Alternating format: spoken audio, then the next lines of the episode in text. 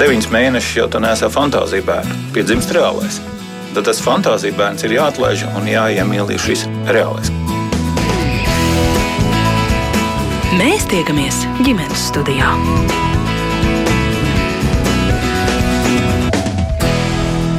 Labdien, klausītāji! Vasara tuvojas, un peldsesons cerams arī drīz sāksies. Un to gaidot, pārņem gan priecīgs, gan arī bažīgs noskaņojums, jo katru vasaru Latvijas ūdeņos noslīkst arī bērni. Vai šo situāciju var mainīt, vairāk domājot par peldēt apmācību bērniem, vai var cerēt, ka bērns labi peldēt iemācīsies skolā, un ko vispār nozīmē mācēt, peldēt profesionāļu izpratnē? Visi šie jautājumi man Mairitai Znotiņai uzdodami mūsu studijas viesiem, un pie mums šodien ir biedrības peldēt droši dibinātāji, arī Olimpiskā centra valdes locekle Zane Gemze. Labdien! Labdien arī certificētai peldēšanas trenerei un arī glābējai Agnesei Gedrovicai. Labdien! Un arī Latvijas peldēšanas federācijas prezidentam Aivaram Platonovam. Labdien! Bet pirmais jautājums, nezinu, uz ko lai skatos, uz Zani vai uz Aivaru. Tātad, ko jūs teikt, ko tas īsti nozīmē? Mācēt peldēt. Kas tas ir? Nu jā, mēs esam pārņēmuši tādu, varbūt ne tikai skandināvu, bet arī pasaules pieredzes praksi, to, ka mācīt peldēt ir brīvi nopeldēt 200 metrus. 50 metrus no tiem uz muguras, spēt izkāpt ārā no ūdens tilpas un tā paša spēkiem, neaizalsošamies, apsēsties, parunāt par dzīvi un justies viegli. Ja cilvēks to spēj izdarīt, tad nonākot, gribētu teikt, tādā riskantā vai nepatīkamā situācijā, ūdenī, viņš spēs sev pasargāt. Protams, tam vēl ir nāk klātīm arī spēja nirt. Ja tur ir kāds šķērslis, vai izkļūšana no laivas, vai pakļūšana no laivas, tad jā, šīs visas kopā 15 ūdens kompetences, kuras mēs esam arī teikt, nodefinējuši un par kurām jau pēdējā laikā diezgan daudz runājam. Ja tās visas spēja iemiesot, tad varētu teikt, ka cilvēks spēj izglābt savu dzīvību. Ja viņš ir nonācis apdraudētā situācijā. Nu jā, es gribēju teikt, ka tas ir tas mērķis faktiski. Ja cilvēks to māk, tad nu, tikpat kā neiespējami ir noslīgt. Tā varētu teikt, tur ir kop, kopsakarība. nu, ziniet, ar noslīgšanu ir, ja mēs zinātu, kā tas notiek, ja gribētu teikt, ja slīkoņi varētu runāt, tad mēs daudz ko varētu mācīties. Mēs varam tikai izanalizēt šīs situācijas, skatīties, vērtēt no acu liecinieku stāstītā, kas tad īsti notika. Un nereti arī noslīst tie cilvēki, kas nu, māca peldēt. Un es gribētu šeit teikt, ka te tā, kāpēc cilvēki noslīkst, ir viņi pārvērtē savas spējas, viņi nenovērtē visus riskus, kas var iestāties. Tad, ja cilvēks ir ar pietāti un, un mēģina tā teikt ļoti, negribētu teikt ļoti uzmanīgi, bet ar saprātu ūdenī teikt, peldēt, atrasties, atpūsties ūdenī, ievērot noteikti visus tos noteiktos noteikumus. Tad tā nelaimes, gribētu teikt, varētu izpalikt. Bet, kā mēs zinām, arī nu, notiek viņas arī cilvēkiem, kuri ir ļoti labi sagatavojušies. Bet, protams, tas, ka jūs spējat apzināties savus spēkus ūdenī, tas vairo izpratni par to, un jūs liek neriskēsies. Ja? Tad jūs zinat, ko jūs varat vai nevarat nopeldēt, vai jūs zinat, vai jūs varat nirt, vai jums ir balna ūdens, vai nav balna ūdens, vai ir uzvilkta vesta, vai nav uzvilkta vesta, dodoties izbraukumā ar ūdens transporta līdzekli, tiem pašiem supiem, kas šobrīd ir ļoti populāri. Ja? Tātad nevajag liek riskēt. Nevajag liek izaicināt likteni. Nevajag draugam teikt, hei, pārpeldam upi, ja, kurš pirmais uh, nokļūs. Būs kā skutelim. Ja. Pārpeldēja, daudzā un atpakaļ nāca ar kājām, ja, jo nevarēja vairs atpeldēt atpakaļ. Tā kā uh, šīs visas lietas ir jāņem vērā, un tas ir tas, uz ko mēs aicinām būt apdomīgiem. Liek neriskēt. Ja. Jā. Nu, jā, tā kā Zana pieminēja, ir tā ūdens kompetence, tas tāds plašāks zināšanu un prasmu kopums, un uh, viņš sastāv gan no tām praktiskajām lietām, gan arī no te teorētiskajām lietām. Un uh, šeit ļoti svarīgi tā, ja mēs runājam tieši par peldēt prasmi. Tā ir tikai viena, nu, teiksim, viena daļa no tā visa kom, uh, kopuma. Un, uh, peldēt prasme ir ārkārtīgi svarīga, jo teiksim, lai cilvēks justos droši, viņš, viņš nepārvērtētu savu spēju, kā Zana minēja, bet uh, tas absolūti negarantē to, ka mēs nenokļūsim uh, nelaimē. Ja, jo kaut kādi ekstremāli apstākļi var gadīties jebkurā situācijā, gadījumā, nu, kaut vai nezinu, izkrītot no laivas, sākās kaut kāds negaiss vai varbūt tās uh, pēkšņas veselības problēmas, krampi. Un tad tā prasme ir uh, spēja reaģēt šādās situācijās un zināt, ko, darīt uh, un ko darīt vispareizāk, lai, lai izkļūtu no, no šīs nelaimes, uh, sveiks un vesels. Un, Un tad, jā, protams, ir šī, šis, kas nāk kopumā, ir teorētiskās zināšanas, praktiskās zināšanas, prasmes un arī kaut kāda zināma pieredze. Jo tie, kas nodarbojas, iet ar teiksim, šīm peldēt apmācībām vai sporta peldēšanu, kas nodarbojas, viņi visi ir neskaitāmas reizes aizrījušies, izdzēruši neskaitāmus litrus ūdens. Viņiem kājas krampi ir saraušas, sarautas neskaitāmas reizes. Uh, vienkārši viņi jau caur pieredzi ir izgājuši cauri šīm, šīm potenciālajiem riskiem, kas var uh, notikt arī atpūšoties brīvā dabā. Un tad ir svarīgi, ka mums ir viss kopā. Un tad mēs varam teikt, jā, mēs, protams, peldēt, bet, uh, ja mēs gribam tā vienkārši nodefinēt, jā, tad šī skandināva definīcija ir 200 metri, kur ir iekšā ietilpst visas šīs zināšanas, šīs, šie elementi - ielikšana ūdenī, iniršana, apgulšanās uz ūdens, pagulēšana pāris minūtes, piemēram, miera stāvoklī. Ja mēs nespējam gulēt miera stāvoklī uz ūdens, tas nozīmē, ka mēs nevarēsim atpūsties, ja esam noguruši, un tas nozīmē, ka mēs neprotam peldēt. Tad ir pati, protams, peldēšana, pārvietošanās. Nav jāpeld tauriņa stilā vai brasā, bet brīvā stilā, brīvā veidā peldēt uz krūtīm un uz muguras. Tad, protams, arī niršana un izkāpšana no ūdens tilpas. Visdažādākajiem, gan no baseina, gan no ezera ar stāvāku krastu vai tos, tās pašas jūras iziet ārā. Nu, arī nu, ir prasa zināmas iemaņas. Jā, tā mm -hmm. Tas tāds komplekss. Nu jā, tagad tomēr simtprocentīgi garantēja šī peldēt prasme negarantē, bet tas ir tas mērķis, uz ko varētu tiekties katrs vecāks, kuram aug bērns. Nu, jo tas tomēr ir drošības garants. Domājot, domājot jā. par viņa nākotni. Jo tas, ko mēs arī redzam, nu, tīpaši skatoties tiem bērniem, kas regulāri jau nodarbojas ar peldēšanu, nu, viņi nav tik pārgalvīgi un viņi nav tik. Nu, kā teikt, nesaprātīgi. Ja viņi, viņi ļoti labi apzinās arī tos riskus, kas pastāv ūdenī. Un, ja, ja runātu par tādiem jau jauniešiem, kas nodarbojas ar sporta peldēšanu, viņi visbiežāk tādās atklātās ūdenstilpēs nepeld. Jā, viņi varbūt tās brauc uz pludmali sauļoties, atpūsties, bet viņi ļoti labi zina, ko nozīmē peldēt pāri ezeram, upē, un ka tas ir lieki un nevajadzīgi. Jā. Tā kā ar šīm peldēšanas apmācībām mēs iedodam arī to izpratni par, par, gan par situāciju, gan par potenciāliem riskiem un to, ko vajag darīt, ko drīkst darīt un ko nedrīkst darīt. Te varētu pie, piebilst tā starpība, kas man liekas ir tāda ļoti dziļi iesakņojusies, un, un tas man liekas nāk no tādas mūsu vēstures līdzi ja, par to, ko tad nozīmē peldēt atklātās ūdens tilpēs. Kā tas parasti notiek? Ja? Ļoti reti mēs redzam tiešām cilvēku, kas peld.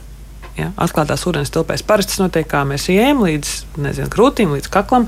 Trīs īriem pa labi, trīs pa kreisi. Nu, pieaugušais cilvēks. Ja, viņš tur ir atveldzējies un tad dodas ārā. Bērni varbūt savādāk, bet viņi arī lielākoties rotaļājās, ja, šļakstās, daudzās, nirst, spēlējās. Tā nav peldēšana, tā ir ūdens laika pavadīšana, pavadī, laika pavadīšana ūdenī. Ja? To nevar nosaukt par peldēšanu. Protams, tās dažas iemaņas tiek attīstītas, ja mēs runājam par niršanu, bet tā nav peldēšana. Līdz ar to teksts, es dodos peldēties vasarā, jā, mēs tā sakam, bet patiesībā, manuprāt, vienīgā normālā peldēšana, kas var tikt izveikta, ir kontrolēta ūdens tilpē, kas ir pelpasens. Jā, bet es atvainojos, lai, lai varētu jautri pavadīt laiku ūdens tilpēs vasarā, lai varētu izklaidēties, varbūt tās arī ielikt no kādas laipas un paspēlēt bumbu, mums jābūt tām sagatavotam. Un tad mēs varam justies droši. Jā, nu kad tad vajadzētu tos mazos sākt sagatavot? No kura vecuma, Agnes? Jā, nu vislabāk jau zīdēnīši ar zīdēnīšiem sākt no sešu mēnešu vecuma. Mēs ņemam Olimpiskajā centrā ar viņiem strādājam. Tas pirmais posms, sešu mēnešu līdz kādi divi gadi, tā ir pierašana pie ūdens.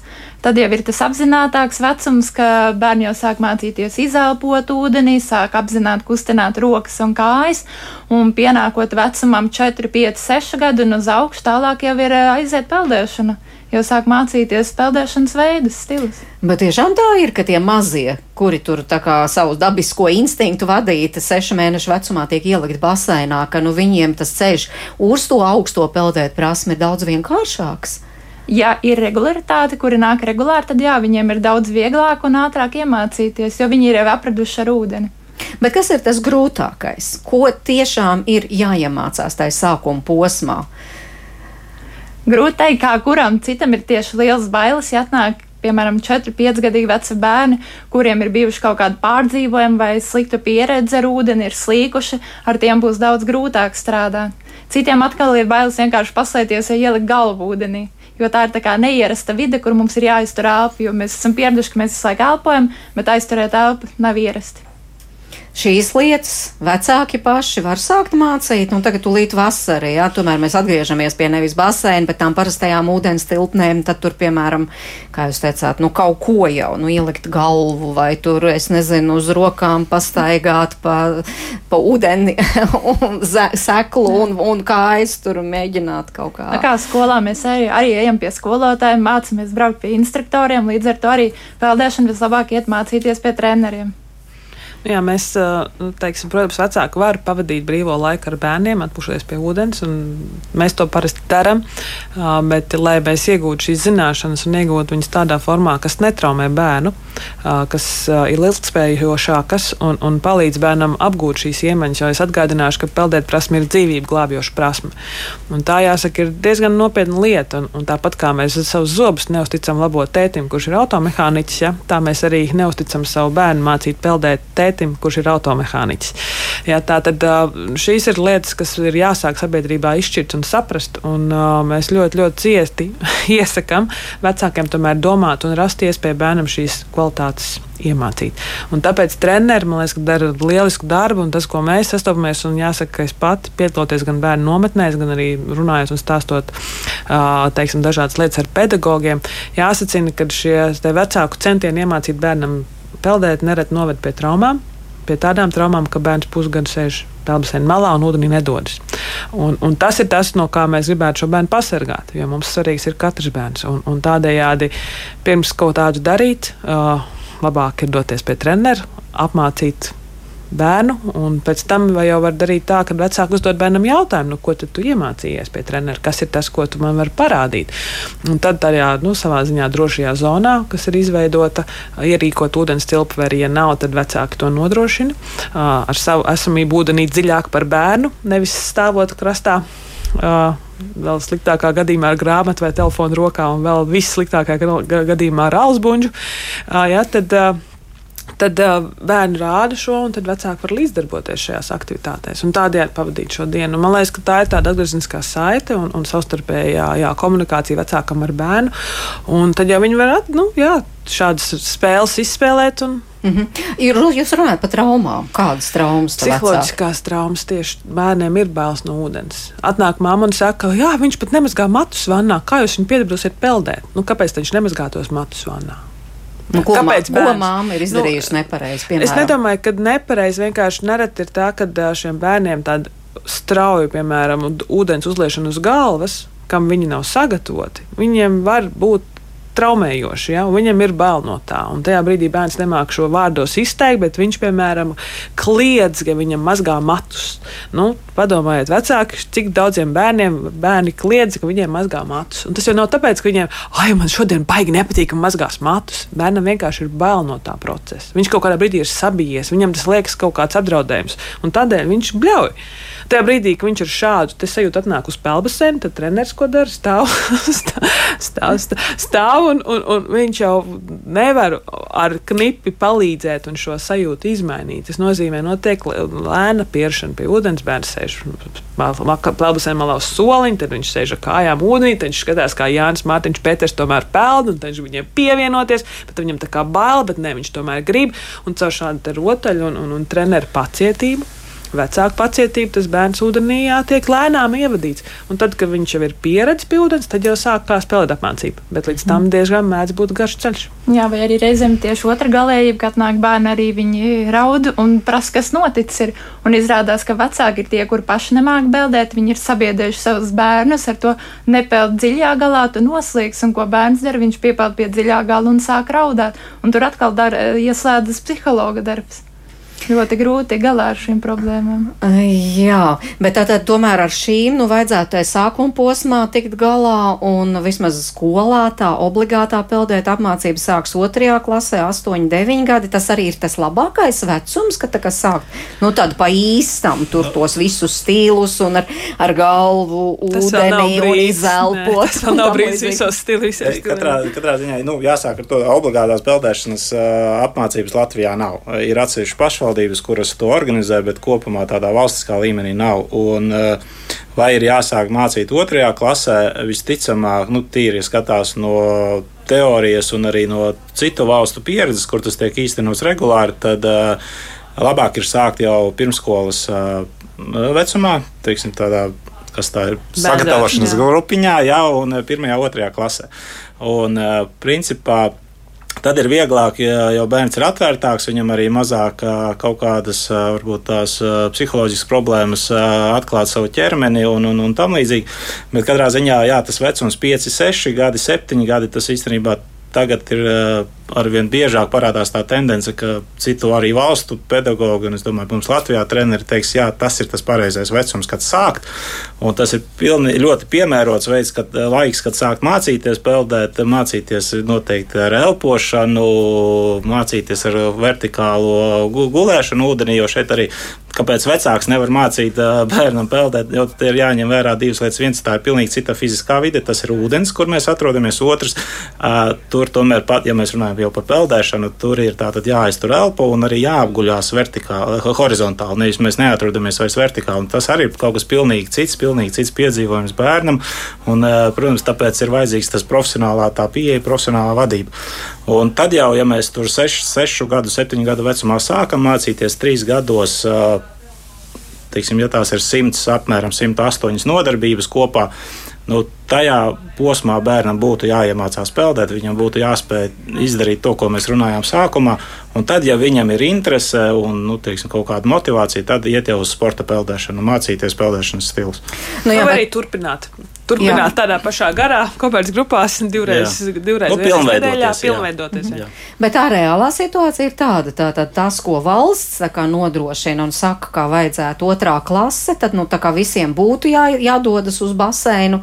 Un vai jūs zināt, cik stundas tad ir apmēl, ap, atvēlētas šādai peldēt apmācībai? Jo te mēs dzirdējām, tātad trīs gadi jūs teicāt, apmēram simt stundas. Reāli tas ir reāli, viens gads. Jā, reāli ir Peldēšanas federācija ar mūsu līdzdalību. Mēs kopā, tā teikt, apskatījām šo jautājumu. Tie secinājumi bija diezgan drausmīgi.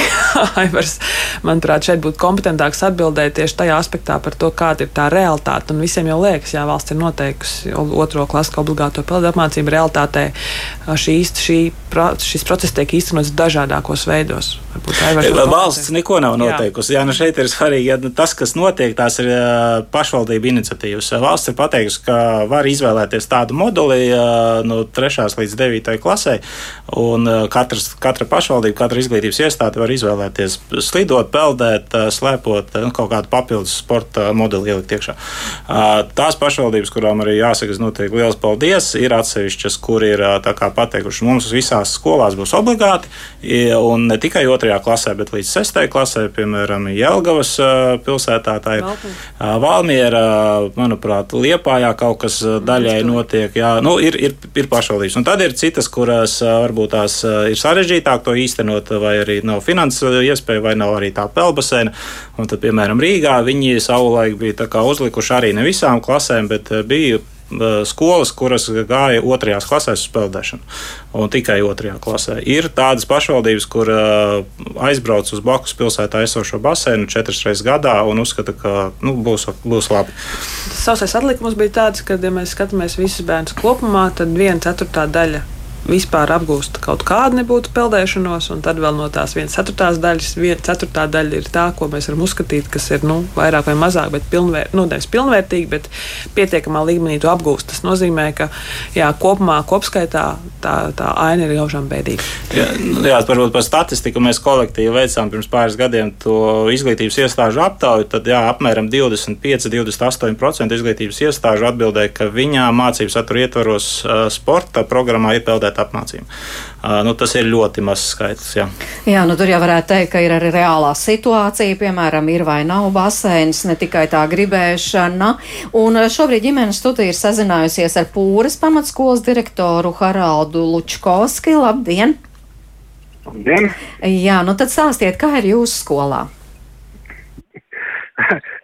Man bija izdevās tagad paklausīties pēdējās faktiski frāzes no dalībniekiem. Uh, Un, un jāsaka, ka tiešām tas stāvoklis ir tāds, tāds kāds viņš ir. Un, un, un, un, un, un jāsaka, ka uz papīra jau mums viss ir kārtībā. Un, un, un, un peldēšanas apmācība skolā, ja mēs tā tikai šaurā šajā virzienā skatāmies, viņa ir. Bet, protams, ar vienu mazu piebildīti, tāpat kā slēpošanā un slidošanā, pēc iespējām. Nu, tad atbildi tādam tās iespējas mums skolā nav. Liena. Protams, ka var kaut ko pievilkt klāt, bet tad tieši, tieši uh, iespējas nav, un tāpēc, nu, šajā gadījumā peldēt apmācības tieši kā tādas nenotiek. Nu, iespējas, gan, atvainojiet, iespējas nav. Tas nozīmē, ka jums tuvumā nav neviens peldbaseins. Tāpēc nav tās iespējas. Tuvākais peldbaseins, uh, uzskatu, ir atrodas, ka es te rēķināju 48 km, tas ir jūrmala.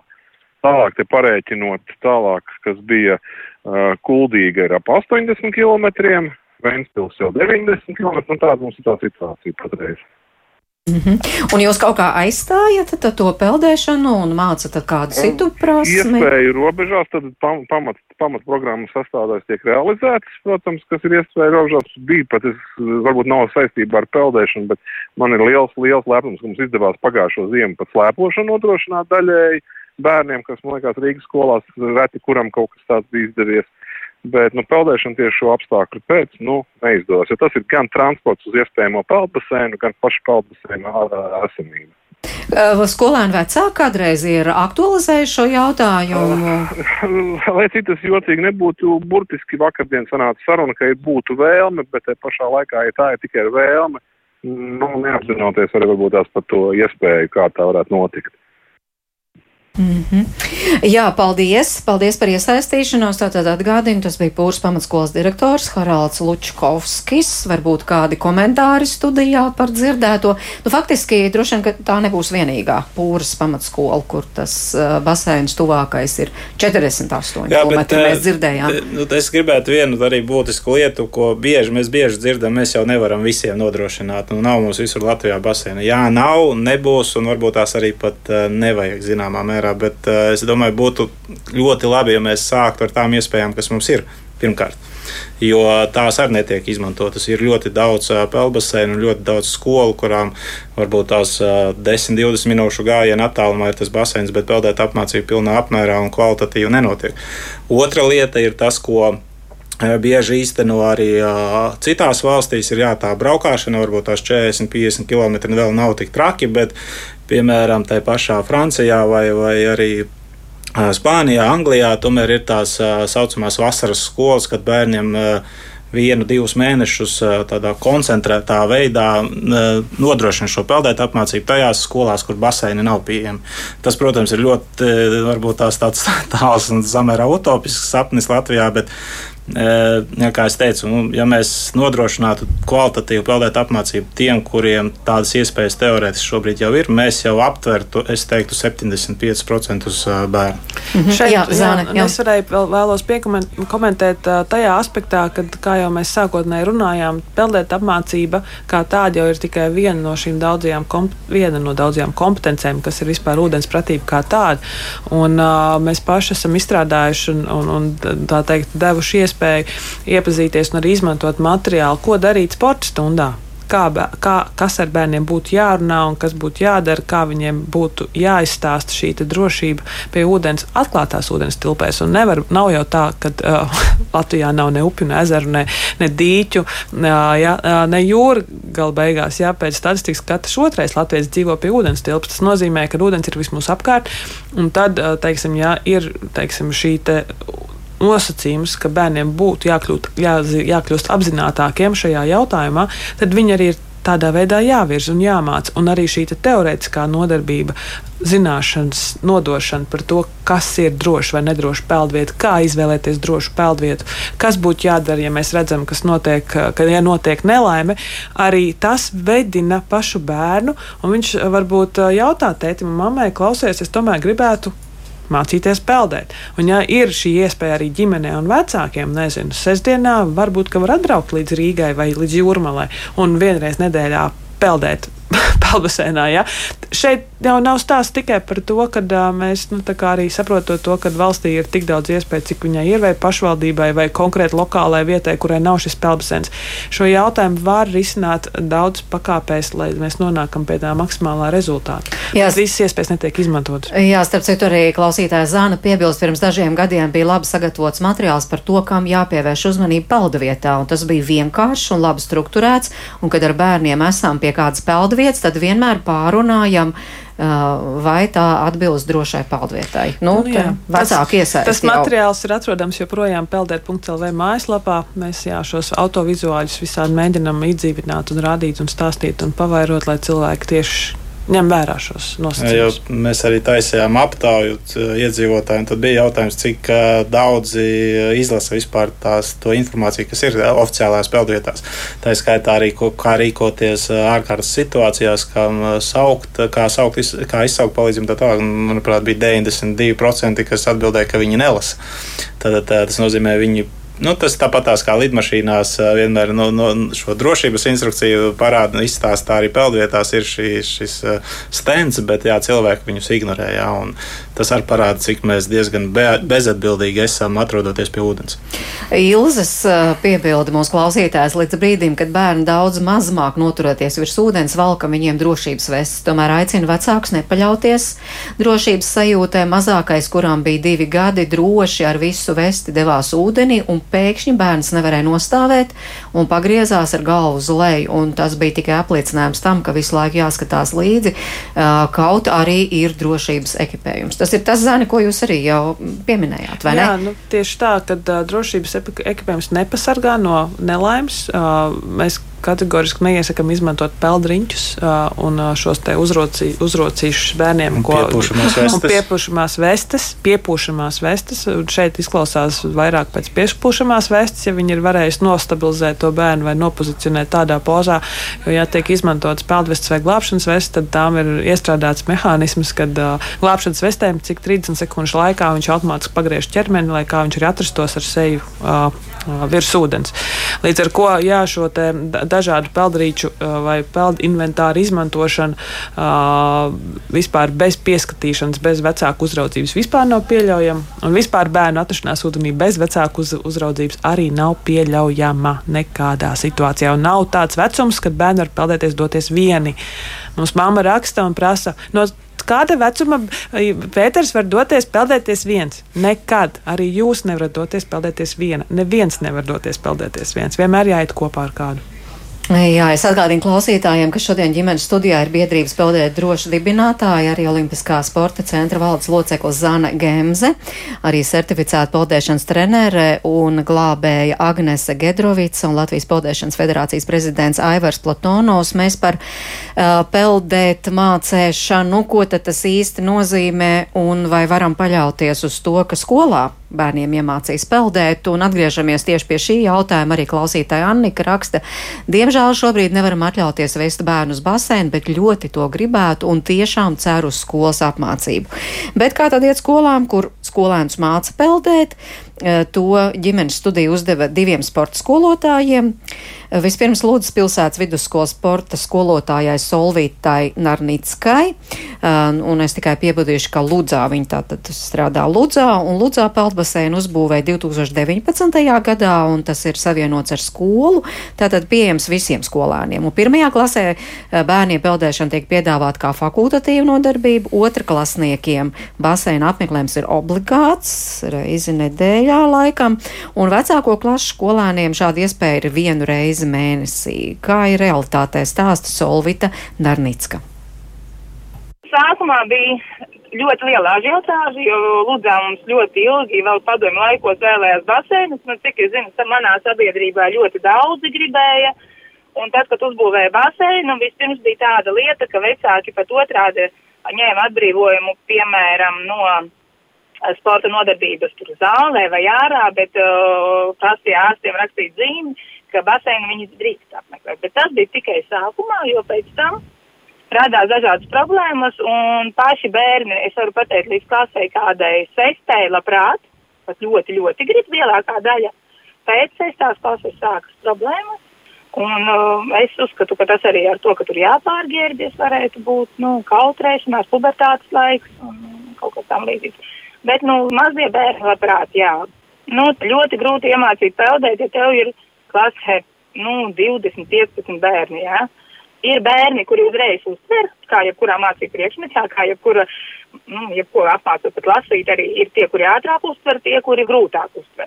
Un es varu pateikt to, ka jā, tiem, kuriem tā varbūt arī mazāk bailes no ūdens, jā, tie iemācās turēties uz ūdens, protams, profesionāli nē, bet turēties, prot arī um, nirt mierīgi bez aizsēstiem deguniem, nu, atrasties brīvi ūdenī.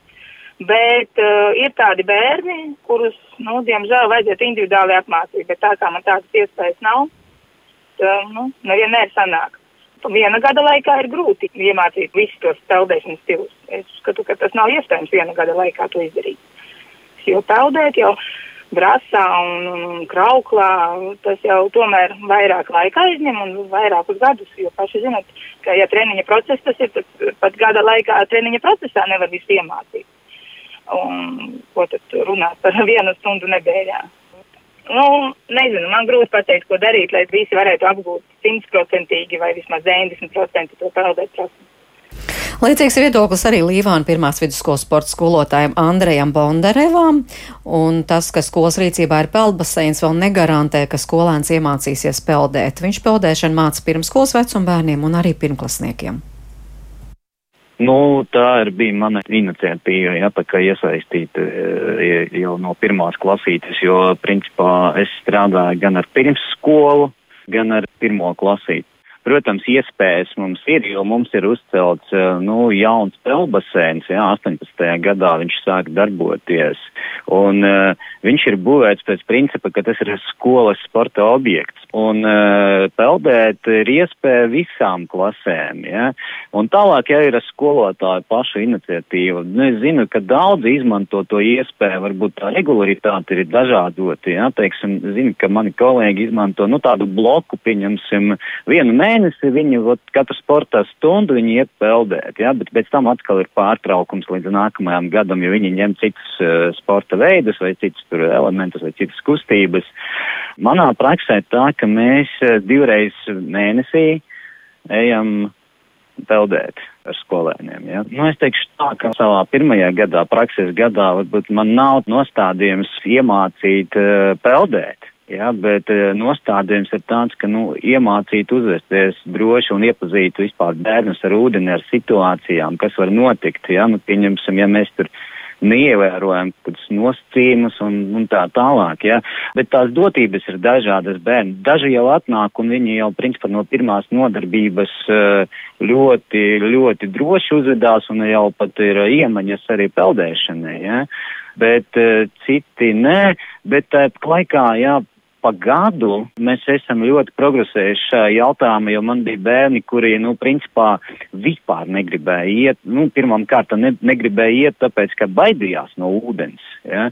bet uh, mācību gadu beidzot, viņi jau nu, diezgan labi uzvedās uz ūdens un jau māk jau izpildīt dažas prasības, dažas uh, kompetences, kā saka, tālāk jā, iemācīt, tas varbūt būt kā nākamais solis, bet es domāju, nu, pamat nostādījums ir, es saku, iemācīt pareizi uzvesties uz ūdens, zināt, ko drīkst, ko nedrīkst, un, eh, pieņemsim, manā praksē arī bija tādi gadījumi, jo mēs ar mazajiem, mēs ejam arī mazajā baseinā, jā, un jā, es, nu, tā kā pārmaiņas pēc mēģināju viņus, eh, nu, ievirzīt lielajā, tad viņiem arī brīžiem iestājas tāda, nezināma situācija, pieņems, viņš nejūt to dibenu zem kājām, ja, Un e, tad, e, nu, gadās, ka tāda panika iestājas, jā, tā kā būtu svarīgāk iepazīt bērnus ar, nu, dažādām situācijām. Nu, iemācīt peldēt, tas būtu jau tāds nākamais mērķis. Nu, viņiem patīk, daži, protams, ir tāda kategorija, kuri tā kā atsakās dažādu iemeslu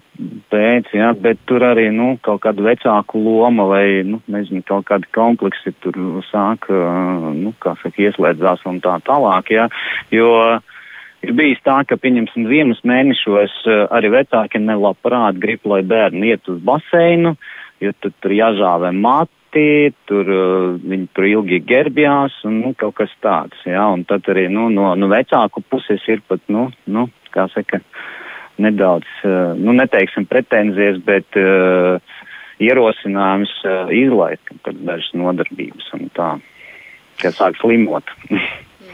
Kaut vai mans viedoklis būtu pavisam savādāk šajā jomā. Jā.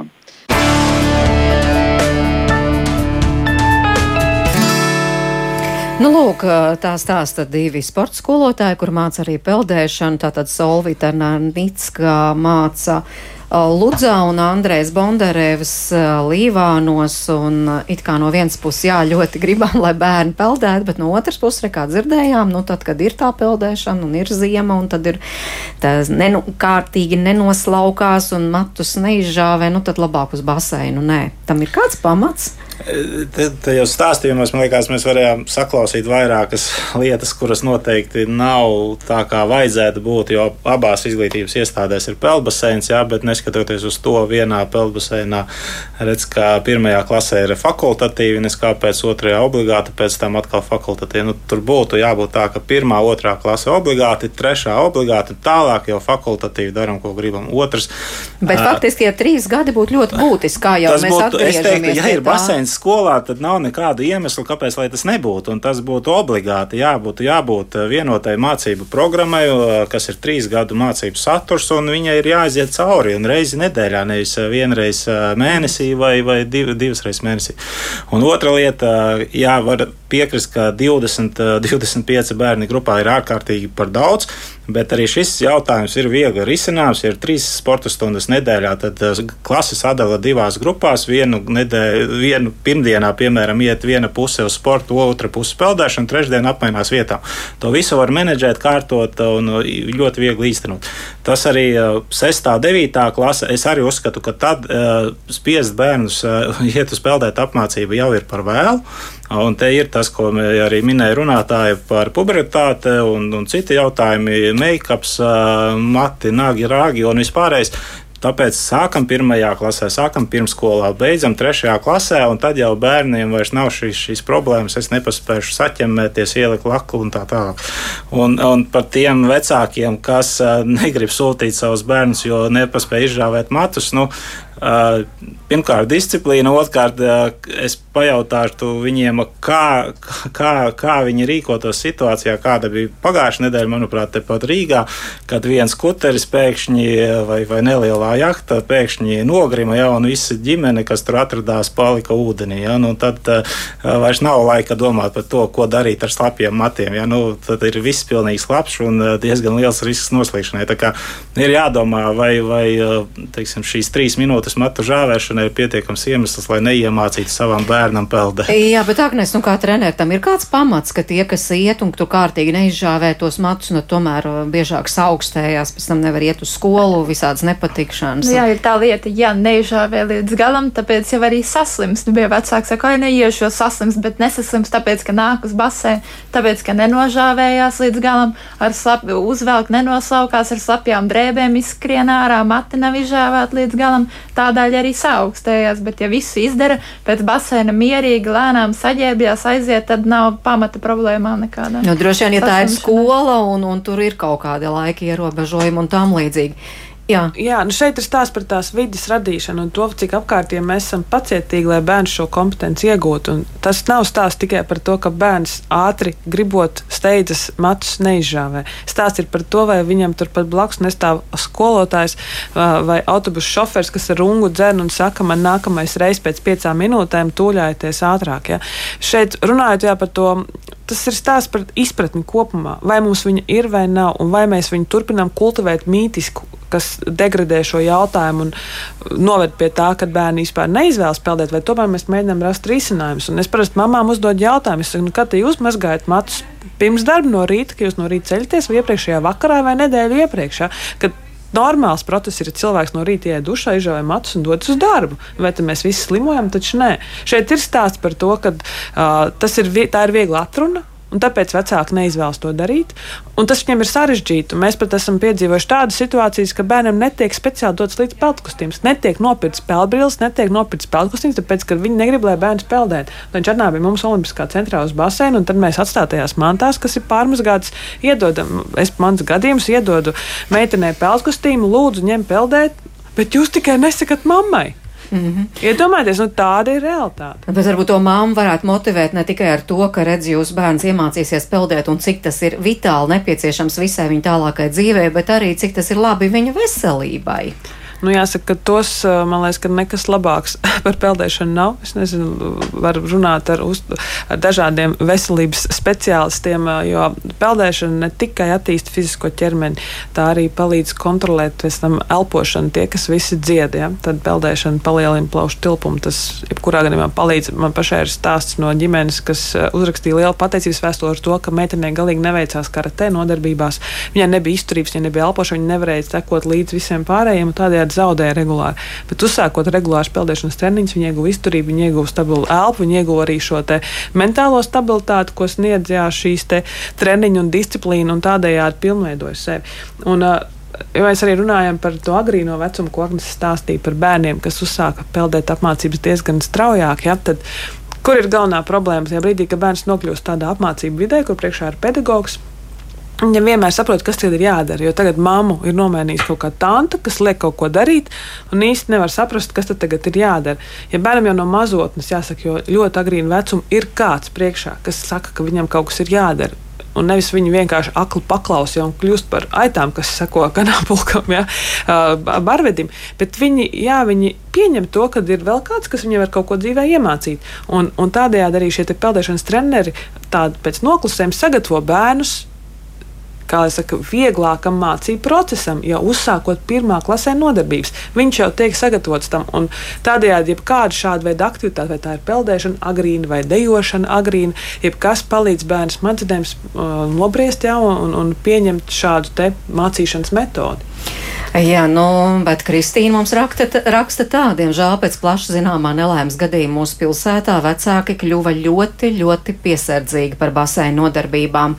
Pēc tam gan nāca Covid un likumsakarīgā pauze, un šajā mācību gadā bija labs projekts par peldēšanu piecgadniekiem, tātad bērndārzniekiem, ko labprāt izmantoja vairums vecāku. Droši vien, droši vien tam jākļūst par tādu pašu normālu lietu, kā jebkura sporta treniņa, mūzikas un mākslas un skolas nodarbības. Tāpat šāda nodarbība izmaksas nav mazāk svarīgs faktors. Ventspils, nu, jā, Ventspils, jā, nu, kaut kāda nu, piesardzība varbūt daļā vecākus arī šādā ziņā. Nenoliedzami, nu, teiksim, ja konkrētais gadījums eh, bija tāds ļoti, eh, ļoti nu, spilgts indikators tam, ka atsevišķos gadījumos, un es negribētu domāt, ka tā ir sistēma, bet, nu, ka pedagogs, kas vada nodarbības, ir. Uh, nu, teiksim, tā nekompetents un bezatbildīgs, bet nu, atkal šeit ir jāņem vērā, ka tāpēc arī ir šie limiti, maksimālais bērnu skaits grupā, kam būtu jābūt noteiktam, kas būtu jāievēro, jābūt pedagogam, jāsaprot, kur atrasties, jā, jābūt varbūt tās ir lielais baseins vai nu, jebkurā gadījumā vēl kādām glābējiem blakus, kas, kas seko līdzi. Bet atkal otra lieta, es tomēr aicinātu nu, ņemt vērā, ka 99% gadījumu cilvēki noslīkst brīvās, jeb atklātās ūdens tilpēs. Un, ja mēs runājam par bērniem un jauniešiem, tad tas visbiežāk ir privātās teritorijās esošs dīķis, netālu esošs karjeras ezers vai upe. Baseinos noslīkst ļoti, ļoti retos gadījumos. Es piekrītu, ka nevajadzētu būt nevienam gadījumam, tīpaši runa ir par apmācības procesu. Tas tam būtu nu, tā, tam būtu jābūt nulles, nulles procentu līmenī, bet nu, šādi, šādi negadījumi diemžēl notiek. Un, nu, es ceru, ka tas neatrunā citus cilvēkus no šo nodarbību apmeklēšanas. Kaut gan jā, šodien pat mēs bijām, esam joprojām CSDD rīkotā pasākumā biķerniekos, ir mums pienāca ģimene un tētis tā arī teica, es savus bērnus nevaru peldēt tādēļ, ka Ventspilī pelbasēnā peldēt apmācības laikā bērns noslīd. Tas nozīmē, ka mēs it kā baidamies no uh, iespējamās nelaimes, uh, tādējādi cenšoties pasargāt, bet ko mēs atveram? Mēs atveram šo iespēju, to, ka bērns netiek sagatavots un konkrētā bērna nejaušana, iekļūšana ūdenī var novest pie traģēdijas. Jā. Te jāizvērtē šie riski, jā, tieši kā mēs sakām, statistika runā pat par sevi. Jā, bet nu, tomēr vēl te pieminēja arī Kristīna šo Covid laiku, kas arī iespaidoja visu šo situāciju, par kuru mēs runājam. Ja tāpat jau tomēr Salīdzinoši maz, tātad reizi gadā labajās pašvaldībās, kur ir tāda iespēja, tur 30, cik tur nodarbības, bet Covid laikā tas bija Jā, vēl Mēs ar Aivaru ļoti mazāk. cīnījāmies par to, lai pelbasēns neaizslēdz, jo pelbasēna mūsuprāt un arī pasaules, tā teikt, veselības organizācijas uzskatā nebija tā, jāsaka, bīstamākā vieta, bet mūs aizslēdz pirmos. Un jāsaka, ka, manuprāt, nav risinājumu šobrīd tam, ko darīt tiem bērniem, kas otrā klasē esot tajā laikā neapgūšu šo pelētu apmācību. Jā, ir, Viņi... ir vispār atbildi uz šo jautājumu kādam? Nu, atbildi ir, diemžēl viņi ir tādi cīniski, nu, vecākiem jāņem uh, visa atbildība savās rokās, jāmēģina uh, atrast šie, šie, šie nepieciešamie eiro un jāved uz komerc apmācībām. Diemžēl, nu, jo, ja pašvaldība atsakās uh, tos izkritušos gadus nu, nodrošināt viņiem peldēt apmācību, tad vecākiem, diemžēl, nav citu iespēju kā vest privāti uz grupu nodarbībām. Jā, nu, diemžēl tā ir. Valsts nenāk pretī. Jā, te vēl mūsu klausītāji runā, ka mēs te tikai par peldēšanu, par peldēšanu, bet ir jau vēl par bērniem runājot, nu, piemēram, tā lēkšana uz galvas un vēl visādas trakulības. Kas, tas jau viss ir tas, tas jau viss ietver to iekšā un varbūt var nu, trenēt jā, nokomentēt. Tā jau, tā jau būs viss pārgalvība lēkšanas atklātajās peldvietās vispār neiesakām lēkt. Ne uz galvas, ne uz kājām, nezinu, mēs tur gājām vienā peldvietā desmit gadus no vietas, viss bija forši, vienā reizē varam lekt un tur apakšā varbūt kādi būgruži, no, nolūzis koks, kaut kas sanests ir gultne, to nevar paredzēt. Bet ko jūs vēl neiesakāt? Tātad lēkšanai uz galvas noteikti nē, bet vēl kaut kas tāds, ko jūs tomēr noteikti neiesakāt. Un to jau domājot vairāk tiešām par tām atklātajām ūdens. Nu jā, noteikti peldēšana tiem pašiem piepūšiem uzročiem un arī ar matračiem. Matrači ir domāti uz sauszemes, lai mēs uz viņiem gulētu, atpūstos, bet ūdenī noteikti nē. Jā, man rekomendācija, un varbūt arī domājot par šo vasaru, ir nu, pieskatīsim viens otru un nebūsim bezatbildīgi arī tajās situācijās, ja mēs blakus, blakus redzam, ka kāds rīkojas neapdomīgi. Mēs nereti redzam šīs ainas, kur uh, vecāki atpūšas, iespējams, lieto alkoholu, mamma ir iegrimusi telefonā, ja tētis ar draugiem dzer ālu, ja, un bērni vien paši atrodas ūdenī. Tādas situācijas nav pieļaujamas, tāpēc aicinu ikvienu, kas redz šādas situācijas, nekautrēties un iet un norādīt. Tāpēc, tas jūs varat izglābt kādu cilvēku dzīvību. Un, un arī paši aicinu neiet peldēties vienam, nepeldiet lūdzu vieni, jo nelaime mēdz notikt, un arī viss tas, kas mums šķiet visromantiskākais, skaistākais, pasakainākais naktī, lietu, jā, negaisā, aicinam tomēr to nedarīt un, un, un to romantiku varbūt ķert kādā citā vietā un brīdī, bet būt apdomīgiem pie ūdens, jo ūdens nežēlo. Vodens ir tāda stihija, tāpat kā uguns, jā, kas pārņem un apņem, un tad jau vairs nav. Jā, nu tad atgriežamies pie tā. Tad viens tāds garants, ka tā nenotiks, tomēr ir šī labā peldēta prasme. Un atgādinu vēlreiz, ka tā, tas patiešām nav tik vienkārši. Tur vismaz, kā jūs raidījuma sākumā teicāt, māc, varēt nopeldēt 200 metru, neapstājoties kaut kur un neatpūšoties, un tad atkal mācēt nirt un mācēt droši vien no vēdera, apgriezties uz muguru un otrādi. Nu, tātad tur ir vesela rinda šīm kompetencēm, bet bet, bet kā, kā varētu, un, un no otras puses, ko Platono kungs minēja, tomēr ļoti slikti jaunieši māca peldēt. Tad liecina, jā, tie, tie dati, bet ko vēl var tad darīt? Varbūt ir kāda citu valstu pieredze, kā vēl šo politiku virzīt, lai, lai, lai tomēr nu, mēs pēc gadiem nevarētu teikt, ka tur kāds bērns kaut kur ir noslīcis. Nu, drošība uz ūdens ir tāda kompleksa, kompleksa pasākuma kopums, un mēs, es uzskatu, kopīgi gan Peldēšanas federācija, gan biedrība Peldēt droši un, un, un citi tiksim, tā, iesaistītie ir sagatavojuši, manuprāt, ļoti daudz rekomendācijas gan normatīvos aktu grozījumos, gan arī par programmu īstenošanu tā tālāk primāri būtu vajadzīga tā politiskā griba. Mēs redzam, parādās politikas plānošanas dokumentos kaut kādas lietas, nu ceram, ka viņas arī īstenosies. Nu, ceram, nu, piemēram, kas varētu īstenoties? Uh, piemēram, nu, tas, tā lielā cerība ir, protams, ka kaut kāda valsts iesaiste tieši peldētāmācības programmu īstenošanā vispārējās izglītības saturā.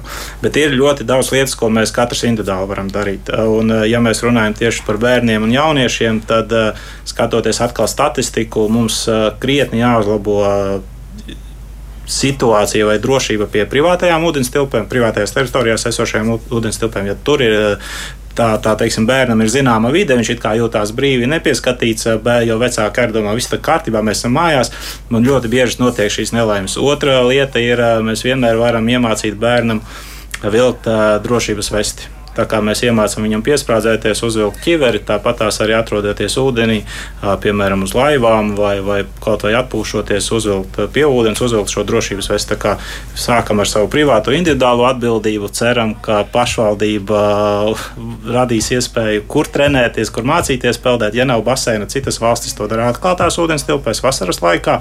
Un trešais, ceram, ka valstiskā līmenī ir šī politiskā griba nodrošināt valsts līdzfinansējumu tieši peldēt apmācības programmu īstenošanai. Jā, mēs ar Aivaru esam tiešām kaudz ar dokumentiem, kas nereti nogulstas atvilknēs, bet viena no tām iniciatīvām, kas varbūt arī nāk no mūsu puses un kas ir atbalstīta, ir valsts izglītības satura centra ko kontekstā, kur mēs kā biedrība peldēt droši īstenojam un apmācam skolu pedagogus.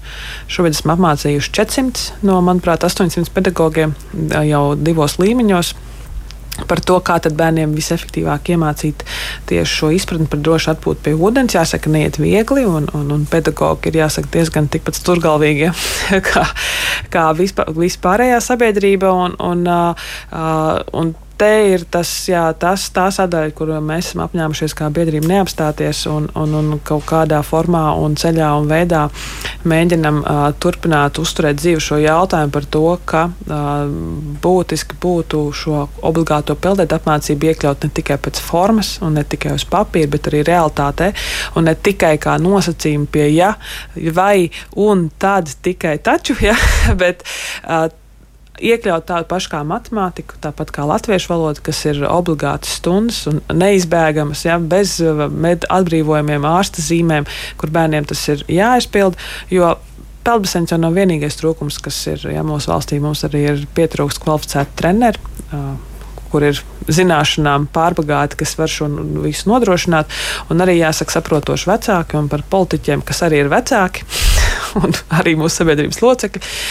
Līdz ar to šis ceļš nav viegls, bet viņš, mēs esam viņu uzsākuši un nedomājam tā teikt apstāties. Lai jums izdodas, lai jums nepietiek pacietības, paldies par sarunu. Es saku Zanai Gemzei, Agnesē Gedrovicai un Aivaram Platonovām. Jums paldies, ka klausījāties un līdzdarbojāties.